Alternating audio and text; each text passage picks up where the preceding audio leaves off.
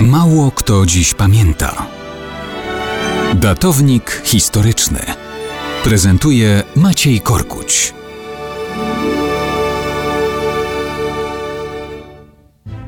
Mało kto dzisiaj pamięta, że dokładnie 190 lat temu Polska ogłosiła niepodległość. 25 stycznia 1831 roku Sejm ogłosił detronizację cara Mikołaja I, odmawiając mu prawa do używania tytułu króla Polski.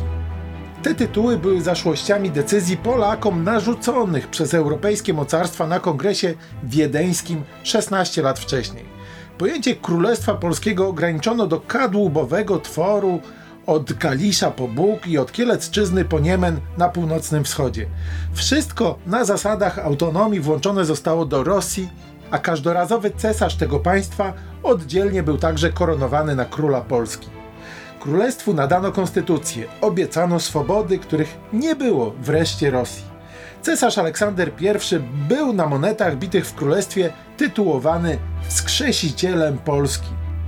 Na różne sposoby zresztą łudził Polaków mirażem rozszerzenia granic także na ziemię dawnej Rzeczypospolitej na wschód od Bugu. Te obietnice były jednak fantasmagorią. Każdy rok coraz bardziej pokazywał rosyjską specyfikę ogłoszonych praw i swobód obywatelskich.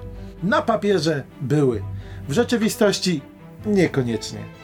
Od 1825 roku następcą Aleksandra był Mikołaj I. Kiedy w noc listopadową 5 lat później Warszawę ogarnął bunt podchorążych, jeszcze niektórzy próbowali znaleźć jakiś kompromis pomiędzy zbuntowanym królestwem a Rosją. Ale 25 stycznia 1831 roku postawiono kropkę nad i.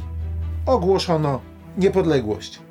W specjalnej uchwale sejmowej stwierdzano: Naród zatem polski na Sejmie zebrany oświadcza, iż niepodległym jest ludem i że ma prawo temu koronę polską oddać, którego godnym jej uzna, po którym z pewnością będzie mógł się spodziewać, iż mu zaprzysiężonej wiary i zaprzysiężonych swobód święcie i bez uszczerbku dochowa.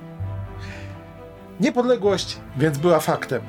Teraz trzeba było wygrać jeszcze wojnę z rosyjskim imperium.